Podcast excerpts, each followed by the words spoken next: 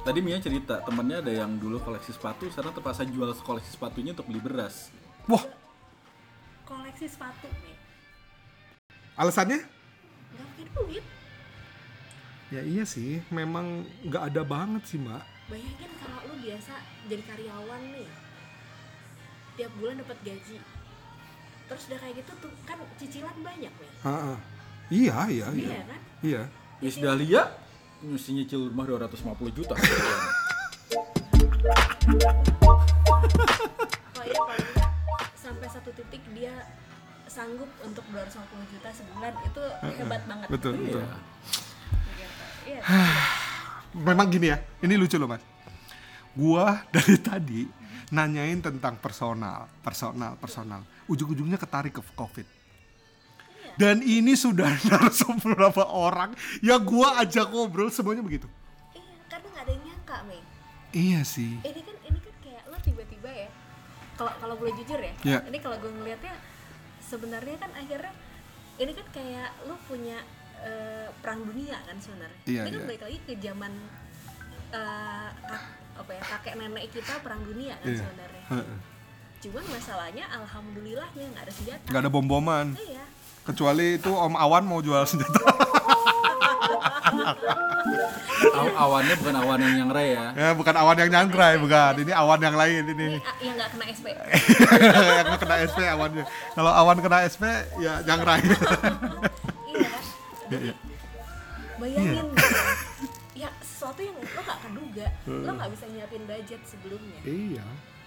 Iya nggak ada yang nggak kaget lah. iya nggak ada, yang nggak kaget. Dan ini kejadian worldwide gitu Iya betul.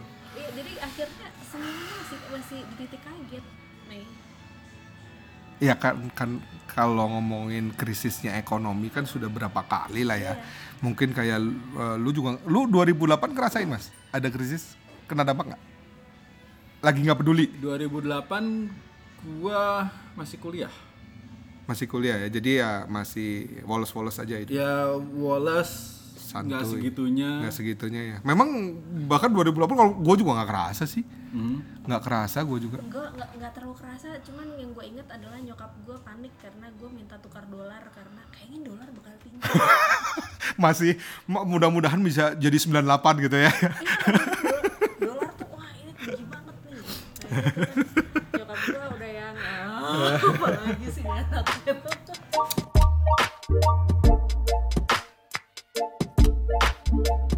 Oke, kita kembali lagi. Gue pengen tahu mas, awalnya lu syuting tuh ngapain mas? eh 2008 tuh kita Enggak 2011 kali itu syuting. 2011. 2011 syuting lu. eh enggak enggak tuh 2008 tuh kita kamu lu kamu udah- kamu udah selesai kuliah lah dari kita nikah 2006 Iya. Tuh kan baru inget kan nikah 2006 setelah 46 menit ngobrol baru inget 2006 adalah menikah. Karena buat kami angka nggak penting. Kan ingatnya 2016 2016 sekarang tahun berapa? Mungkin. 2016 kan maju mapan. Maaf dong salah. Awalnya gimana mas? Lu syuting-syutingan dulu. Eh, sebelum syuting-syutingan yang kopi, gue sempat syuting di Masa? di dapur. Ya ya ya ya ya. gue sempat sempat punya TV show jadi, jadi tukang masak kan? jadi pesulap gue. yang, Be- tapi background lu ada apa? chef. Chef. Gua ya gue tukang masak. Ya, backgroundnya itu kan. Gue tukang Nah. masak. Gue masih tak masih malu bilang diri gue chef. Hmm. Eh, punya TV show masak dan sulap yang lucu sekarang tukang sulapnya malah terus jualan makanan Untung kan kamu nggak jalan ronde. sulap kan? Heeh, Jualan ronde. jalan ronde. Terus udah gitu balik ke kopi mulai fokus di kopi. Satu titik kita dihubungin Kompas TV ya dihubungin Kompas Enggak, maksudnya bukan karena referensi siapa dan segala macam tahu. jujur nggak tahu Enggak Kita tahu-tahu. Kompas punya program Jadi Kompas waktu itu, itu? mereka baru baru berdiri dan mereka emang waktu itu mau fokus tuh formatnya kayak BBC Knowledge Oh, oke. dokumenter Random sebenarnya ya, nggak nggak pengen kasus kopi doang sebenarnya jadi kan. mereka bikin program dokumenter banyak Oh, banget dan iya, mereka random. bikin satu spesifik buat kopi Ah, ah, ada spesifik, maksudnya random tapi ada spesifik spesifik kayak gitu ya. soalnya mereka mikirnya gimana caranya semuanya Indonesia Hmm. jadi ada yang traveling Ya. keliling Indonesia Ya. terus salah satunya kan kalau Indonesia kita selalu ngomongin kopi kan Ya, Nah, ya. akhirnya ke situ Itu berapa episode? Episode tiga kali 39. 39 ya. Tiga season Dan lu memang nggak ada, season? maksudnya dari tiga sepuluh kan yang dipecah oh ya maksudnya lu lagi nggak ada terikat dengan apa perusahaan atau bikin usaha yang ya eh, jadi konsultan itu tadi eh, oh gitu. Masih apa ya? berusaha ya maksudnya masih usaha di situ juga gitu ya kan. sama kita punya oh itu Java ya kita Punya warung punya kopi kecil. kecil lah Di Jakarta yang ada syuting juga kan sama To- Tony Wahid waktu itu ada scene di situ juga kan itu. itu itu test case kami soal seduh manual di saat orang lain belum bikin seduh manual Iya, itu yang gue bilang. Maksudnya pada saat itu kan gak ada tren, tren seduh manual itu kan sama sekali. avant-garde kan namanya Iya, Bo- yang gua yang gua tahu dari dulu melihat eh, icon kopi kalau gua gitu awam adalah hanya eh, sifon. Sifon itu kan sudah yang terjejar menjadi sebuah lambang apa ya? Lambang status eh, eh, lambang status bahwa kopi in- sebuah apa warung ini dikatakan coffee shop adalah adanya sifon. Pokoknya itu oh ada sifon berarti itu coffee shop lah orang buat yang serius ngopi. Itu itu bagi orang awam seperti itu. Nah, itu 2011. tahu malah Mei oh, Iya, si, sifon itu kan sampai pun kan jadi tajuk eh, apa eh, menu utama iya dan akhirnya sekarang tutup. tutup Ih, ah masa sih Iya, beberapa eh, mungkin 50 persennya. oh ya babak dulu kok Iya. semua 60 persen ditutup salah Sebenarnya kan sebelum tinggal 60 persen sebelum 60 persen ini kan juga P sudah mau lepas kan. oh enggak itu emang di split Oh, bagi-bagi. karena satu dan lain hal Ya. bukan karena M mau karena satu mau karena satu dan lain hal Iya, kalau gue pikirnya gara- itu gara-gara pajak enggak ya Nah, Ya, wah, pajak, oh gara-gara pajak pajak-pajaknya. Cuan, cuan. Ah, iya buat M-nya gitu Iya. dari Oh enggak lah, gila. Emang nggak ada nggak ada urusan. Ma- pajaknya ya? Gua karena ini ini sedikit eh, gua tahu setelah gua kemarin berusaha di NOS kan. Di NOS ini kan calon buyernya ini rata-rata pengennya di mall. Akhirnya keliling lah gua mall. Eh dan mall baru sampai mall lama perangnya sama grup. itu iya enggak perang P grup lu udah kalah Iya makanya disuruh perang sama ya udah.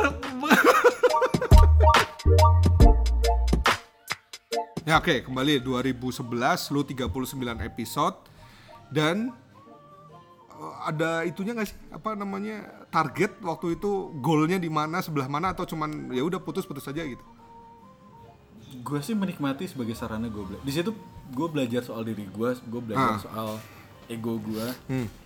gue belajar soal tapi satu hal yang pasti gue belajar soal manusia sih gue Iya. sangat menikmati gitu gue dulu gue inget kok gue memulai dengan persepsi bahwa gue tahu kopi gue Q grader di Indonesia waktu itu cuma ada 20 Hmm. Lu Q grader orang. itu tahun berapa? 2009 Ngambilnya di Jakarta di Jakarta. tanpa gue tahu Q grader itu apaan Eh, iya iya iya. iya. nanti kita bahas. Nanti kita bahas. Nanti sebenarnya mau mengarah ke situ. Oke, terus terus ya gue jadi Q grader itu 2000 berapa ya? Dua- 12 terakhir. 39 episode dulu. Cuma 2 Enggak, tahun. 2014 Oh, pas masih ya?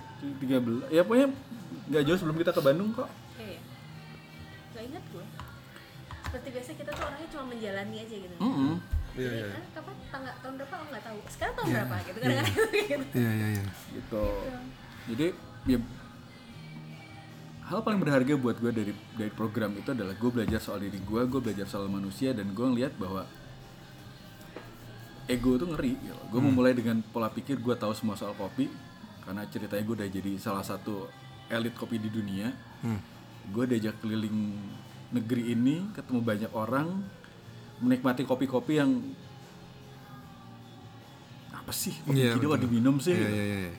Tapi dengar cerita, dengar orangnya ngomong, ngeliat kebanggaan dia, ngeliat perjuangan dia yang gue malah mengapresiasi detail-detail kecil gitu bahkan di satu titik mungkin rasa kopi udah nggak penting Iya betul. Kopi sebagai medianya itu yang lebih berharga. esensinya coffee shop kan Hmm. itu Mai Iya sih.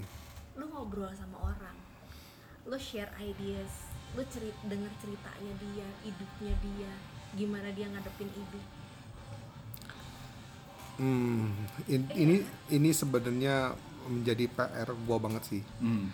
Pada saat jujur yang gua bilang di awal tadi sebelum kita rekaman adalah gua bilang gua orangnya seneng banget lah eksplorasi hal baru gitu kan.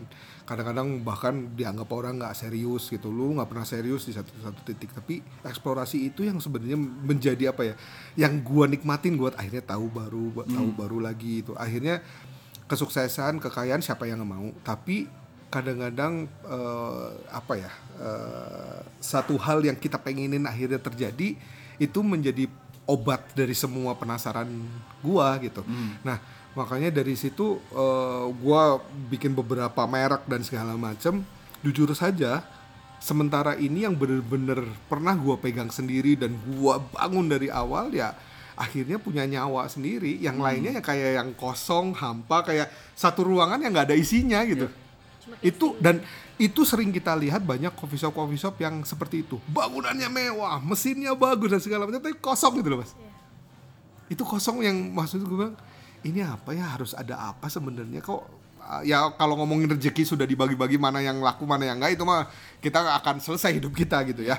Cuman kan ini ngomongin menelisik kira-kira apa sih yang dibutuhkan biar punya nyawa gitu loh. Itu yang kadang-kadang ya butuh sentuhan-sentuhan yang gue sih agak kembali ke ceritanya Soekarno. Soekarno presiden oh RI ya. Dulu kalau seingat gue ceritanya tentang keris. Mm-mm. keris ya. Jadi wah kerisnya ceritanya kerisnya sakti banget. Ya. Cuman Soekarno tuh cuma bilang sebenarnya kan yang bikin sakti itu kan kita. Kita Hmm. yang membuat memberi soul. Ya. Energi itu kan kita ngasih. Ya. Ya ya iya kan? Dari Kita- si empunya ya? Iya kan? Ya kita yang ngasih energi coffee shop. Ya ya kita orang yang di belakang bar baristanya Hmm. ownernya. Coba bayangin kalau ownernya suka marah-marah. Barista bete nggak? Mm. kebawa nggak se- ke Mm. customer? Pasti. Ya ya iya kan? Ya mungkin kasusnya tadi itu yang tadi kasus yang sedang rame. atau mungkin customernya lagi bete. Begitu kita bete kan kita melihat semuanya dengan persepsi. Nggak Ya. bagus nah itu dia. Iya kan? Tapi kan kan? per hari ini trennya nggak begitu mbak. Sebelum ya katakanlah ngomongin 2018 2019 itu masa masa kebanjiran bukan kemasan kalau menurut gua. Kebanjirannya coffee shop gitu ya. Semuanya berlomba-lomba bahkan gue bilang sih eh, apa ya eh, ya tapi ya mungkin bisa dikatakan bahwa itu titik titik eh, bagusnya industri kopi gitu. Bahkan semuanya pengen bikin coffee shop. Bahkan gue lagi tidur tahu-tahu WhatsApp bro kalau bikin coffee shop gimana ngapain apa eh, harus berapa modalnya? Dan itu tuh terjadi gitu ya. Padahal gue gua tidak pernah menaruh memang nggak pernah sampai sekarang pun saya tidak pernah menaruh bahwa saya konsultan kopi nggak nggak pernah. Cuman kan karena mungkin ngelihat oh gua ada beberapa uh, store jadinya akhirnya tanya gitu ya walaupun akhirnya mereka kaget pada saat sudah uh, kenal angka karena sebenarnya kesalahannya bukan di gua karena yang menawarkan tapi kadang-kadang dia kacamatanya sudah ngelihat coffee shop itu coffee shop ini coffee shop ini wow pakai mesinnya ini ini jadinya harganya tinggi Iya. gitu jadi ya membuat persepsi orang yang sangat luar biasa banget tentang coffee shop. Nah, per hari ini 2020 yang katanya cuma tiga bulan doang. Semuanya ya harus harus menerima ya kondisi ini ya. Mungkin ya itu yang balik lagi bahwa belajar bahwa kita benar-benar jadi pengusaha atau atau hanya sekedar ikut tren berdagang saja gitu. kan katanya 2020 ini eh, tahun diri semuanya di riset kan Nih, ya mudah-mudahan sih. Riset ya. Mudah-mudahan sampai di riset dosanya juga di riset. satu Nah, oh, bentar. satu lagi yang gue pelajari selama gue jalan itu adalah gue belajar mendengar buat gue itu yang paling paling berharga. Gue dipaksa mendengar gue belajar mendengar. Gue memulai sebagai seseorang yang banyak ngomong. Mulut gue gede. Uh, suara gue keras. Pelan pelan gue di gue belajar untuk mendengar. Dan buat gue itu sekarang jadi aset. Paling mahal. Dan kayak ini sebenarnya momen paling bagus buat kita belajar mendengar. Iya sih. Iya Tapi sih. masalahnya kita lebih seneng gaduh. Iya betul, betul. Kita nggak mau men- me- menyisakan waktu untuk ngeliat apa sih yang dimauin sama diri kita, sekeliling kita, anak buah kita. Hmm. Kenapa orang ribut di media sosial ya? Ya biarin lah Hmm. Iya, gitu loh. iya. Mau nggak pakai apron nih serah lah. Iya.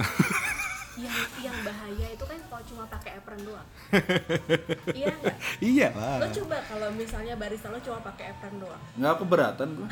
Nggak keberatan. kalau cowok lo pusing Gue lebih suka Gue nggak keberatan, tuh gue yakin orang-orang keberatan. gue lebih suka mereka cewek itu pakai apron tapi nggak pakai baju.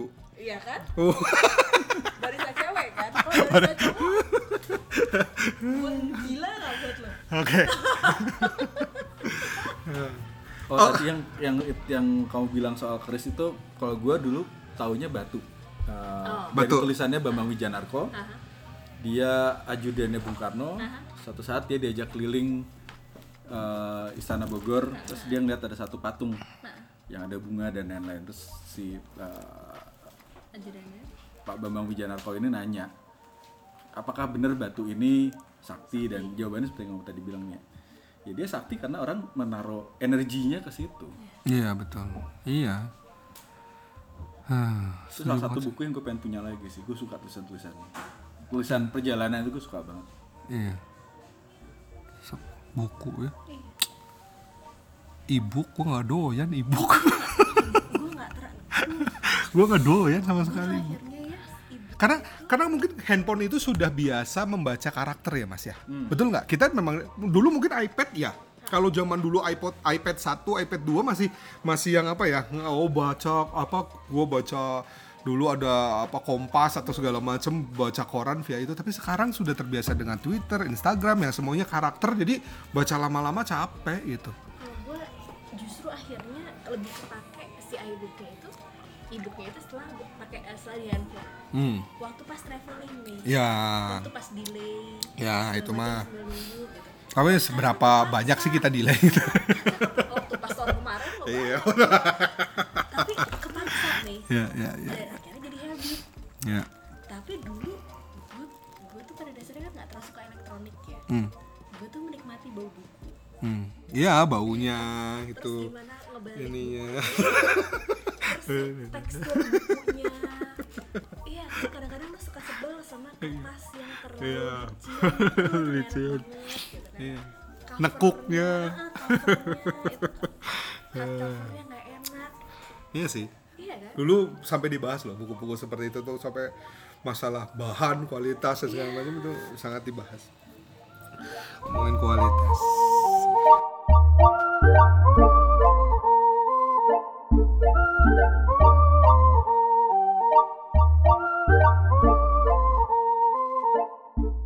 Nah, tadi ngebahas juga Q grader. Apa itu sih Q? Kagak tahu kan lu, Mas? Dulu nggak tahu. Gue tahu dulu ada program murah program murah disubsidi sama Amerika. kemarin kita baru pas beres-beres rumah baru lihat ya berapa harganya Itu 2000 berapa, Mas? Lu ambil 2009 lu ambil Q di Indonesia, di, Jakarta. di Jakarta, perusahaan Indonesia. Kelas Q grader pertama di Indonesia diadakan oleh eh, Project Amarta. Project Salah- Amarta. Salah satu projectnya USAID Hmm, oke. untuk kopi. Mm-mm. Jadi ya Karena memang eh, sudah sebenarnya bisnis kopi dengan Amerika pun sudah terjalin sudah, lama ber- banget kan. ratus-ratus tahun. Ya. Terus? Jadi ya waktu itu ada satu program pelatihan yang sangat disubsidi. Hmm. Lagi ada duit dikit, ikutan. eh Berapa hari itu? lima, Lima Dulu masih hari. lima hari. udah masih lima ya Itu masih lima hari. Itu pertama Pertama di Indonesia. Indonesia. Oke. Berapa orang itu peserta? 24 yang lain bekerja di perusahaan-perusahaan besar, udah lama kerja di kopi. Oh, maksudnya memang dia perusahaan di bekerja di perusahaan kopi. Mm-mm, yang peserta yang lain ya. Ya, ya, ya. Saya waktu itu masih latar belakangnya kerja di dapur. Iya, Cuma betul. tertarik sama kopi. Ah. Jadi ya crash course, course kasarnya kayak ngelihat ngelihat satu sisi penilaian kopi yang eh, susah ribet sampai akhirnya karena lulusnya setengah mati jadi belagu lu Asli pernah nyang belagu. nggak lu pernah pada saat lu coba menerima course ini lu pernah ngebayangin nggak bahwa kopi ini akan besar banget gitu Nggak. sama sekali? Nggak. yang ad- yang ada di pikiran lu apa? Gue pengen belajar. Belajar ada iseng doang gitu. Nah yang dari 20 sekian orang itu per hari ini yang masih apa ya menggunakan Q-nya banyak oh memang masih dipakai masih ya? dipakai tapi yang lisensinya masih aktif nggak sebanyak nggak itu. sebanyak itu. Jadi ya dia nggak nggak perpanjang STNK gitu ya. Nggak perpanjang pajak gitu ya. Hmm. podong. Tapi masih nyetir. Masih nyetir ya. Perpanjang SIM tapi dia masih nyetir. Terus 2009 lu perpanjang lagi tuh? Tiap empat tahun gue harus perpanjang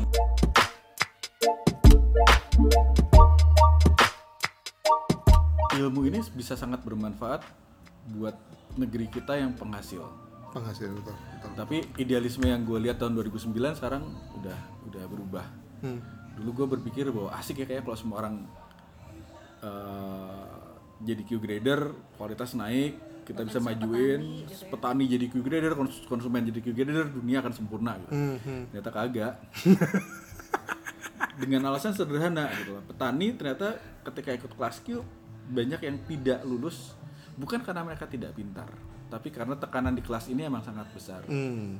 Karena waktu yang singkat harus mereka waktu selesaikan. singkat materi padat dan eh, kadang di antara mereka tidak nyaman untuk bertanya. Ketika mereka nggak tahu mereka bertahan nggak Betul, bertanya. Betul, betul, betul, betul. itu sebenarnya force fit sebenarnya force feeding kita jadi Iya, ini. pasti. Bebek. Pasti.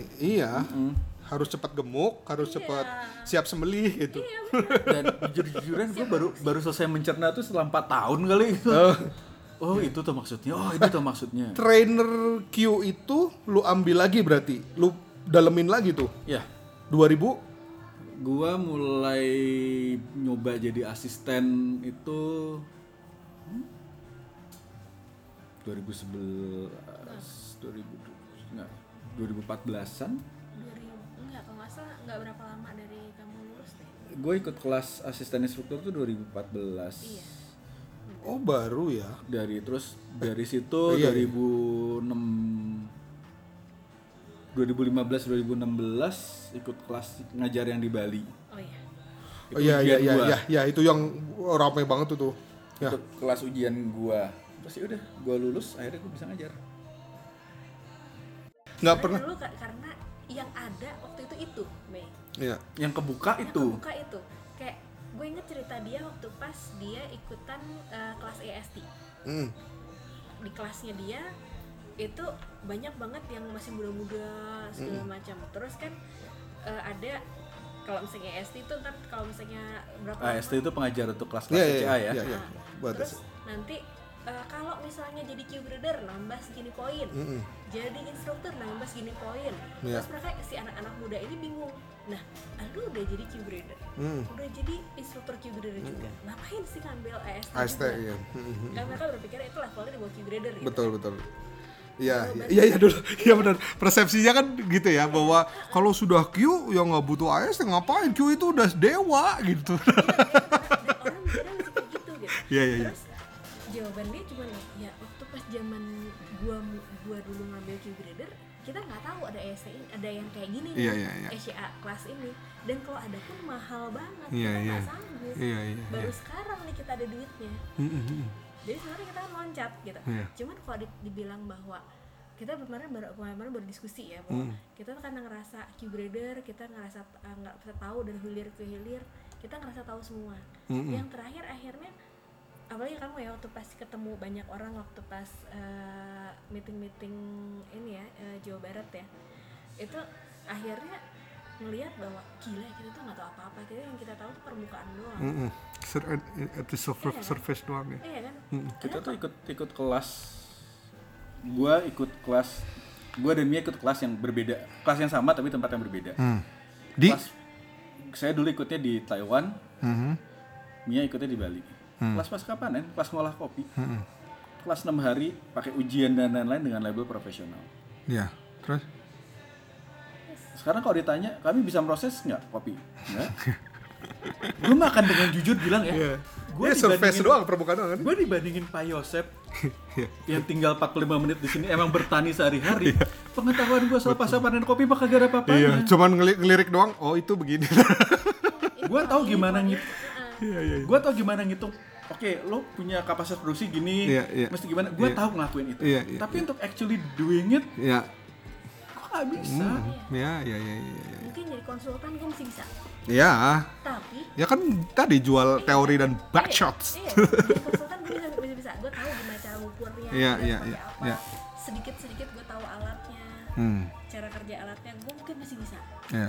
tapi untuk bisa bikin yang keren banget gue belum tentu bisa gue mah sekarang malah mungkin karena faktor umur ya gue malu bisa nyebut gue konsultan ilmu gue terlalu cetek untuk jadi konsultan Ya. gue anak kota gue harus ngakuin bahwa gue tuh anak kota Iya, iya, iya. gue bertahun-tahun mau ke kebun aja nggak sempet sempet Iya, betul, betul. gue anak kota gitu loh Ya, harus disadarin itu dong gitu kan bahwa Dan lu nggak bisa bertahan itu. eh, nggak bisa bertahan lama-lama gitu. ya sama lah kayak misalnya lu eh, suka kopi tiba-tiba suruh cemplung ke bar Iya, iya. Iya. kan juga ngerasa Iya. nggak bisa apa-apa Gagap. kan? kayak gitu kan gagap gitu. gue tau endingnya harus kayak gini tapi gue nggak tahu nih Mm-mm.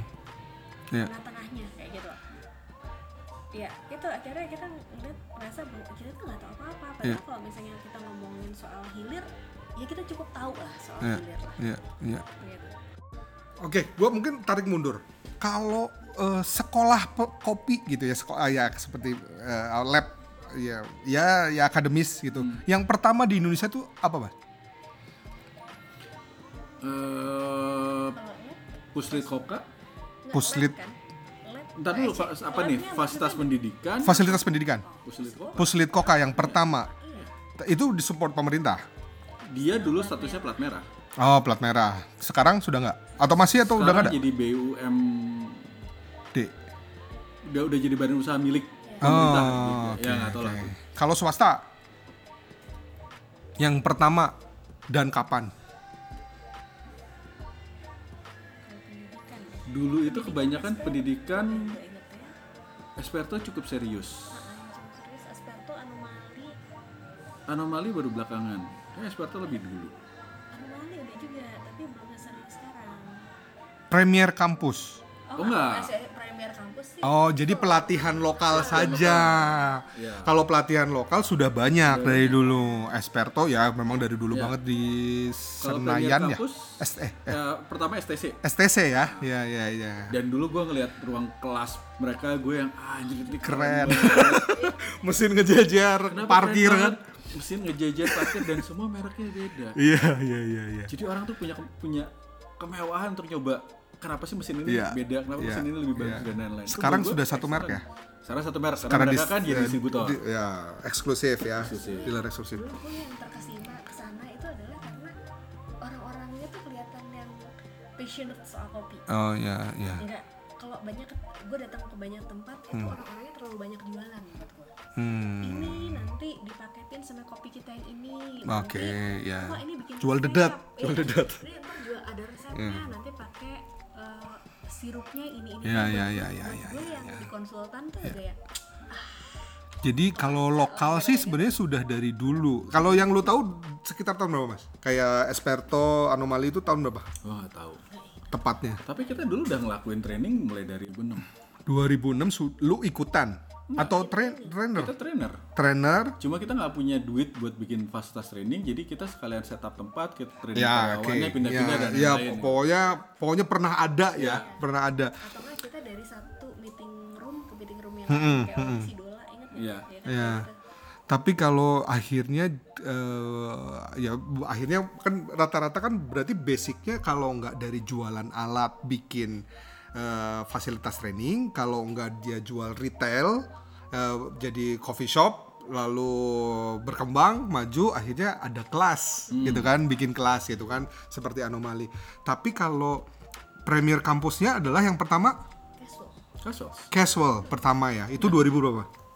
Yang jauh dari kita. Jauh dari kita 2000 Oh, tapi tapi memang sebelumnya ini kan ngomongin Premier Kampus adalah status ya, Hmm. Eh, legal apa apa ya, akreditasinya gitu ya. Maksudnya Berarti sebenarnya zaman 2014 mau nyari serius sebenarnya sudah banyak banget ya. Banyak. Banyak banget ya. Tapi rata-rata di Jakarta. Ya, eh, Bandung belum ada. Bandung Ada. yang punya tempat nggak ada. Oh jadi dia jadi cuman event kali ya, cuman event-event apa ya apa workshop atau segala macam gitu ya. Mungkin waktunya workshop and training yang waktunya mungkin Terbatas. terbatas banget gitu ya. Jadi apakah karena itu lu melihat peluang di situ untuk akhirnya jadi maju mapan? Eh, kita capek jualan, kita capek mindahin barang, kita capek eh, training. dari pindah satu Well, meeting room ke meeting room lain Mungkin ngeliatnya gini sih, kayak orang dagang.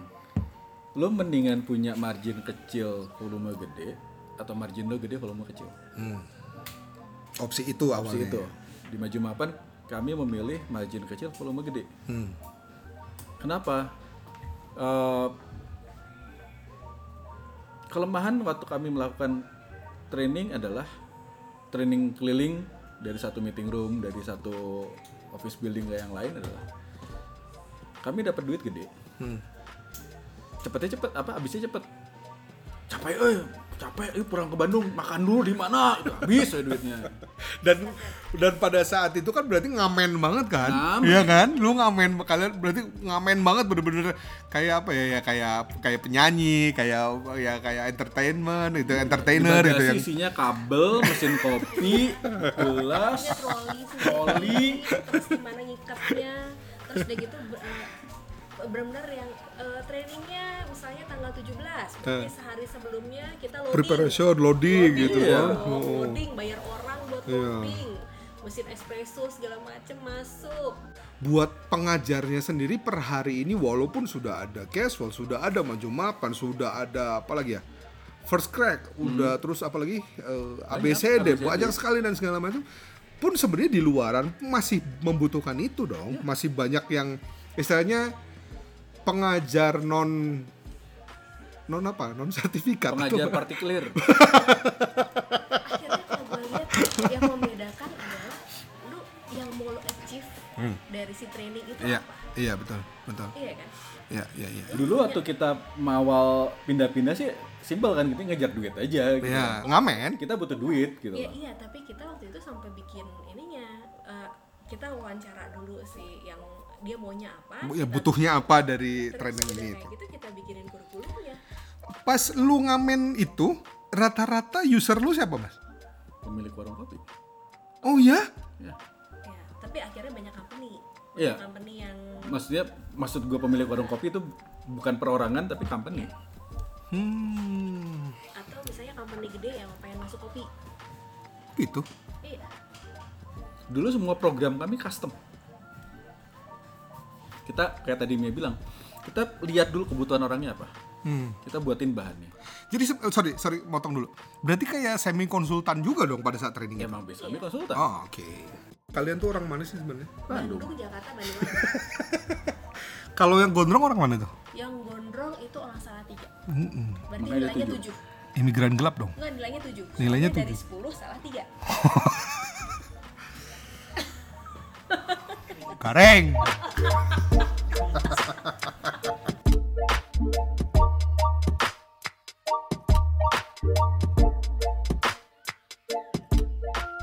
Maju Mapan itu 2016 ya? 16. Mulai mikir 2015, akte 2015. 2015. Nggak kerasa ya?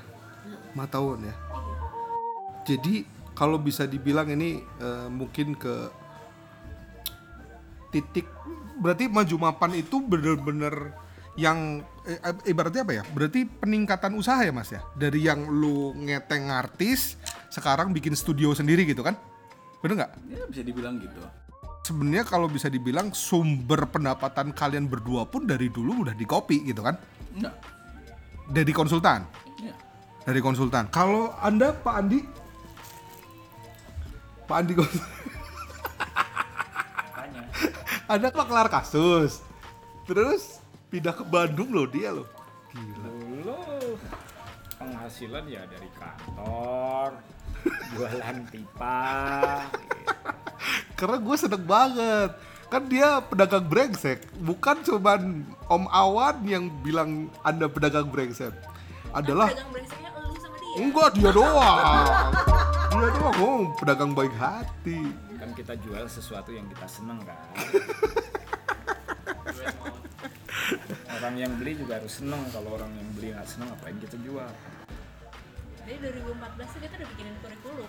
2014 berarti setelah kita ke sana dong Kudus? Iya, iya. Tapi ini belum orangnya sebelum sebelum sebelum. belum Oh, kita tuh sebelum. kapan sih ke sebelum lah sebelum. waktu ke Kudus itu kamu udah tahu berapa rahasia dapurnya mereka Iya.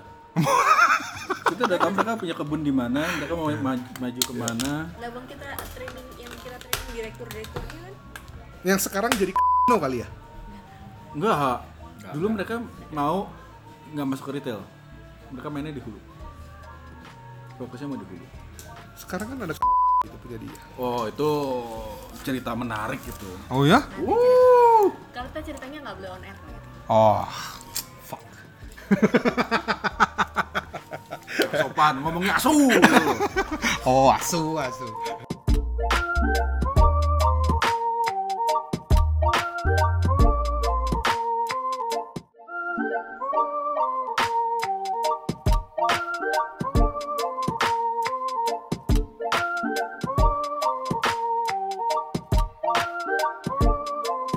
lo kenapa sih dulu pindah ke kopi dari IO lo? Apa yang membuat lo akhirnya jualan kopi, men? Kan bukan apa-apa. Nah, kan sebelum enggak, Duit kopi dibanding duit IO kalau receh. kalau dibilang gara-gara kita Cemen. gitu ya tapi kan a- pasti ada yang menggerakkan lu kenapa pengen belajar kalau nggak kan ngapain cuci uang ya cuci uang pasti. Taruh aja di mesin cuci. Ada betul. Jadi gini intinya it- kan tadi gua udah cerita di awal bahwa gue seneng buat expand. Explore. Ya expand dan explore. Kalau udah ada satu pasti gua ada tiga. Oke. Pasti. Cuman istri aja. Belum. Kan gua record. Jadi eh, nggak usah gitu deh awalnya dari cangklong aja dulu. Sebenarnya saya senang dunia retail. Dunia retail tuh berhadapan dengan orang ngelayanin orang eh, terus gue seneng lah. Kalau lu tau lah kalau ada ibaratnya orang pedagang nih dua pedagang mana yang akan terlihat lebih baik pedagangnya? Pasti gua ketimbang dia dong. Karena gua ada hospitality di situ. Kalau dia kan cari apa? Nggak ada. Gitu doang. Bang. kalau gua kan nggak selalu yang waduh dikasih opsi lain dikasih arah gua arahin ke tempat supaya lu lain dapat untung maksudnya. Ya iyalah. Kalau gua baik lu nggak beli. Iya kan gitu. Jadi ya ya gitu aja. Terus gue kan memutuskan untuk buka warung pun setelah dua tahun. 2016 di sini jadi kelinci percobaan dan lain-lain berusaha dalam baru dua tahun kemudian akhirnya ah, gue buka ah, 2000 kan baru kemarin 2018 gitu jadi sebenarnya kenapa tapi lu belum menjawab kenapa lu kopi Kenapa nggak ciu gitu loh? Iya, Dekat Bekonang lo. kan kalau Cio sudah ada saingan di tempat gua itu sebenarnya pedagang kenapa Dan lo nggak ngomong pas gua ke sana. mulai belajar kopi belajar bir gitu itu kan sebenarnya oh bir ya dunia lu kan sebenarnya Iya, iya, iya, saya akui. Gua ngebrew bir sendiri pernah. terus Cuman ya e, ngebrunya 5 menit, e, dua jamnya mabok. Kadang akan bener. Gua pernah jadi jadi ya kenapa kopi enggak sih tren aja Gua mah jujur saja saya follower kok saya eh, lu manusia trendy ya? Iya, manusia trendy aja. Sesuatu yang trendy pasti, tapi gue pasti dalemin. Pasti gue dalemin. Nggak mungkin nggak. Eh, dari cangklong, eh, dari cerutu, oh, dari sampai sekarang kopi. Cuman ya ini mungkin bertahan lebih lama karena dulu pas cangklong dan cerutu eh, ilegal ya kami ya itu. Enggak ya, enggak ya, enggak ya. importir Sempat. gue simpulkan lu tuh sebenarnya manusia lifestyle ya lifestyle saya mengakui kok saya lifestyle. Cuman eh, yang membedakan adalah oh, eh, gua nggak pernah nggak akan pernah eh, asal tahu atau itu nggak nggak bisa dan lu bisa. selalu mulai sebelum trennya mulai? Nggak mm. kalau itu kan Di awal- jadi di awal trennya mulai itu selalu mulai selalu Nah, ada dia, kayaknya Dia ada di di saat ada lain ada lagi mulai. bukan ya bukan Dia masuk dalam eh, gelombang pertama dari aktivasi itu. ya itu aja sih Jadi ketika yang lainnya bubar, kita udah selesai. Iya gitu gitu aja. Jadi eh, saya berusaha mencari kesombongan aja di situ. kalau kita kan biasanya selalu Sebelum. avant-garde Apa kan? Ketika yang lain lagi heboh kita udah bosen. Dan yang lainnya dapat duit, kita yang ngeluarin duit. yang lain yang lain nyoba gitu itu Ya apaan sih gitu. gitu gitu. Kalau akhirnya jujur saja ka- kalau di kopi ya gua Andi Wono lah. Ya tapi dia pernah ngomong sih, dia pernah ngomong bu. Jadi pada saat ada ketegangan di komunitas atau penggerak cangklong, doi bilang, ini brengsek nih orang-orang cangklong sama cerutu. Eh cangklong doang, cerutu enggak. Oh, nggak kayak anak-anak kopi kata kata dia kata dia gitu. Nggak kayak anak-anak kopi damai dan dan pas baru kemarin-kemarin sama aja aja gitu. Loh, tapi di di kopi masih fair, barangnya beda gitu kan. Di cangklong muter-muter itu Iya sih, itu, iya karena semua orang jadi skalanya kecil gitu kan, barangnya itu itu aja gitu. Tapi kalau ngomongin sikap sama aja gitu, brengseknya sama-sama aja, saling tusuk menusuknya sama-sama aja. Gitu. mungkin karena bisnis kecil Enggak, karena bisnis lifestyle. Karena bisnis lifestyle betul. Karena orang butuh gaya. Telat ya kelar kita. Ibaratnya gitu. Karena yang dijual itu bukan kebutuhan. Orang nggak akan ngelakuin itu sama beras. Bukan kebutuhan pokok. bukan kebutuhan Iya. pokok. Ya kayak kayak di siapa? Di cangklong ya. Ketika orang kemarin lah itu sempat bulan-bulan Desember karena ada kenaikan cukai kan. Orang yang dari rokok mau pindah cangklong. Iya. Ya bego. Lu mau dihitung berapa Paling naik 30 ribu gitu kan rokok misalkan dari 30 ribu dulu perkiraan mau berapa gitu kan 60 ribu gitu 60 ribu selisihnya sementara cangklong harganya berapa? Gitu. Dan Belum bakonya itu yang sekarang. keliru bahwa dengan cangklong ngirit. Enggak. Kalau dari cerutu turun ke cangklong oke. Kalau cerutu naik ke cangklong ibaratnya sama dengan yang rokok naik ke cangklong gitu kan. Kalau nggak dari cangklong turun ke vapor. iya tapi kan kalau itu itu sebenarnya betul kalau di sisi penjual lebih hemat gitu kita enggak sih daripada diomel-omelin orang doa orang banyak Berarti gua bangkrut gara-gara itu ya? mungkin Karena itu jualan gua dulu. Lebih lebih cangklung lah dari mau gitu. Sama kayak teman kita bilang ke temennya, ayo belajar seduh manual lebih murah dari warung kopi. Berapa bulan pertama diomelin sama bini temennya.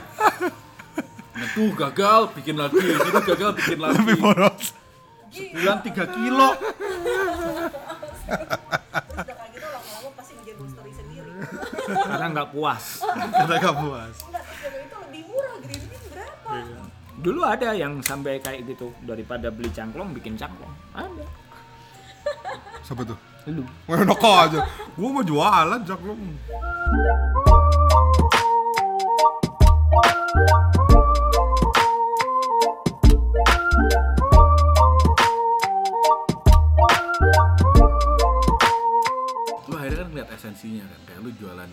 Lu ngeliat bahwa diri lu senang dengan retail stuff, barang-barang retail lu senang nyoba. Hmm. Lu sering kali lebih ngeliat esensinya bukan kemasannya. Hmm. Yang sekarang terjadi, apalagi sekarang ketika semua orang lagi bisa dibilang kayak nggak ada kerjaan, Hmm. adalah orang itu senang lihat kemasannya Ya. dan ngeributin detail di kemasan itu Betul, betul. tanpa ngeliat esensinya. Ya. Eh, itu tadi bilang soal udah beli apron mahal-mahal dipakai cuma berapa bulan? Tiga bulan, empat bulan. Tiga bulan, empat bulan.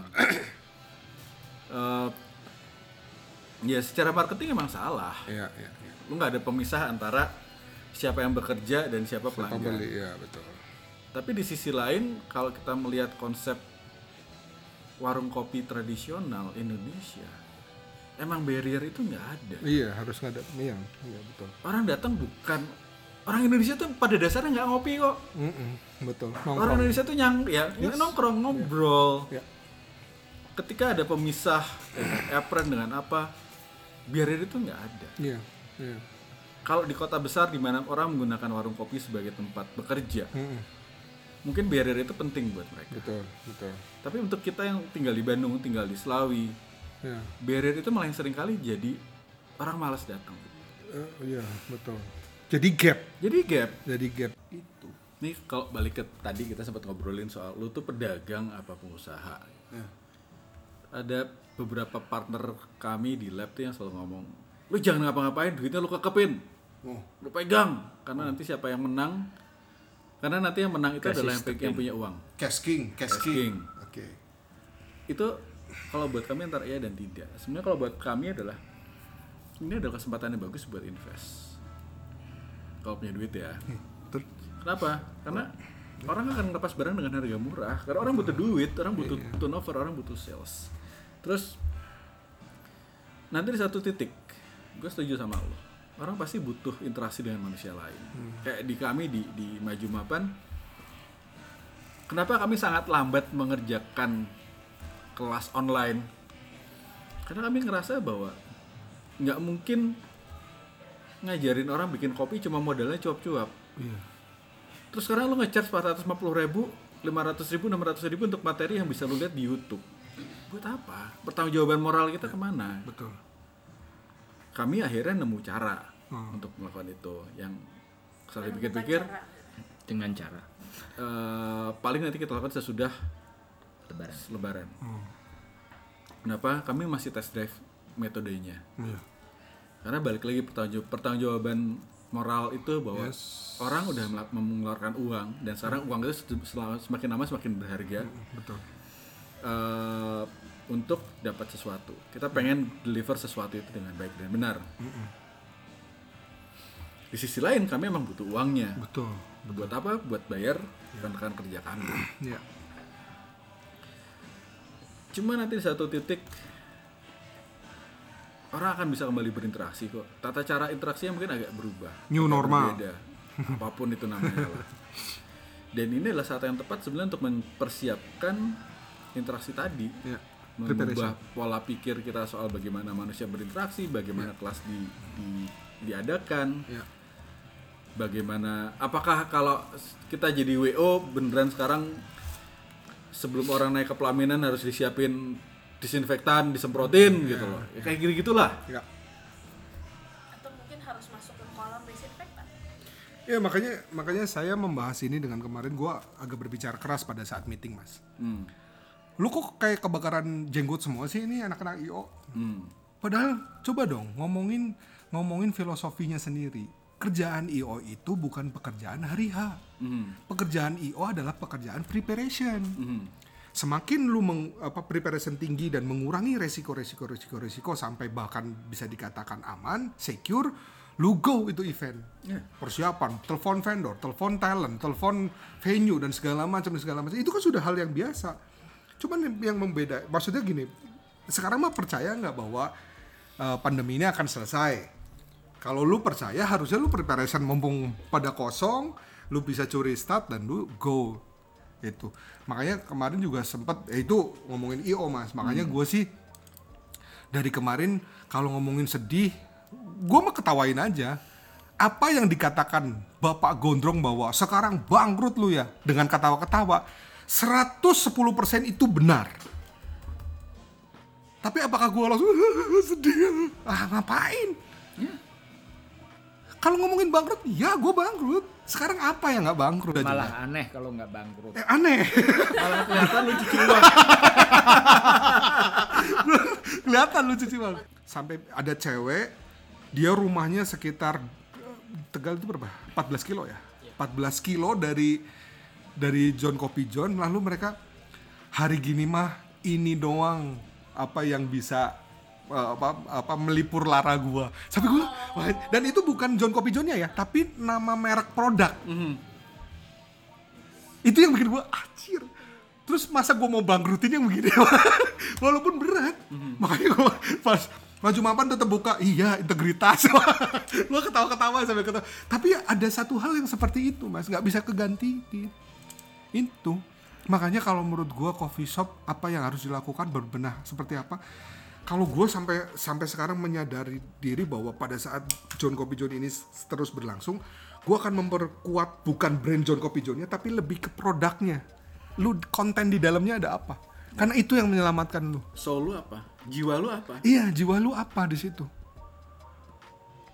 Jadi orang nggak peduli terhadap alamatnya, orang nggak peduli terhadap tempatnya seperti apa, tapi produknya lu ngangkat gitu. Jadi orang akan apa ya? Akan mencari, tetap mencari gitu. Itu penting banget. Jadi gue belajar ah iya ya. Sekarang kalau misalkan ya mohon maaf nih bu, coffee shop segede gaban, investasinya tinggi tapi nggak ada produk yang diangkat ya per hari ini kelihatan sih tidurnya gitu tidurnya kelihatan tapi eh, eh, kira-kira kapok nggak ya bapak-bapak ibu-ibu orang yang mau usaha kopi ini kapok nggak ya Ya. Enggak. nggak Sekarang gini ya, kalau kita berbicara bahwa semua bangkrut, semua bermasalah. Ini kan tinggal siapa yang duluan nanti. Ini kayak di restart aja. Yang brand bagus kalau dia nggak cepet-cepet ya kalah sama yang lain kan. Restartnya kira-kira gitu. Problemnya eh lu udah gede, beban lu gede. Ketika di restart lu masih membutuhkan banyak input di situ. Dengan yang lain yang eh, masih baru dia akan lebih cepat startnya. Dan kesetiaan di kopi kan nggak ada kan? Nggak ada. Nggak ada kecuali kita deket. Kecuali kita deket kantor kita dekat kita akan ke situ. Tapi kalau eh, dari sini lu buka keren di bawah sono gitu kan Terus di mau didatengin, ya. gua akan datang ke tempat lu sekali Ya. tapi nggak mungkin tiap hari. Tapi yang orang sana daripada dia pergi ke sini ya mendingan dia di sono kan yang dekat. Nah itu tinggal balik siapa yang cepat duluan. Tingkat kesetiaannya coffee shop? Nggak ada. Nggak ada lah. Ya dua persen. Itu yang deket aja. Iya betul. Betul cari yang deket kalau nggak ya yang kenal memang gitu yang kenal pun tetap nggak nggak akan Iya sih. hari Karena per hari ini yang kenal dari 10 orang yang kenal 8 orang bikin coffee shop.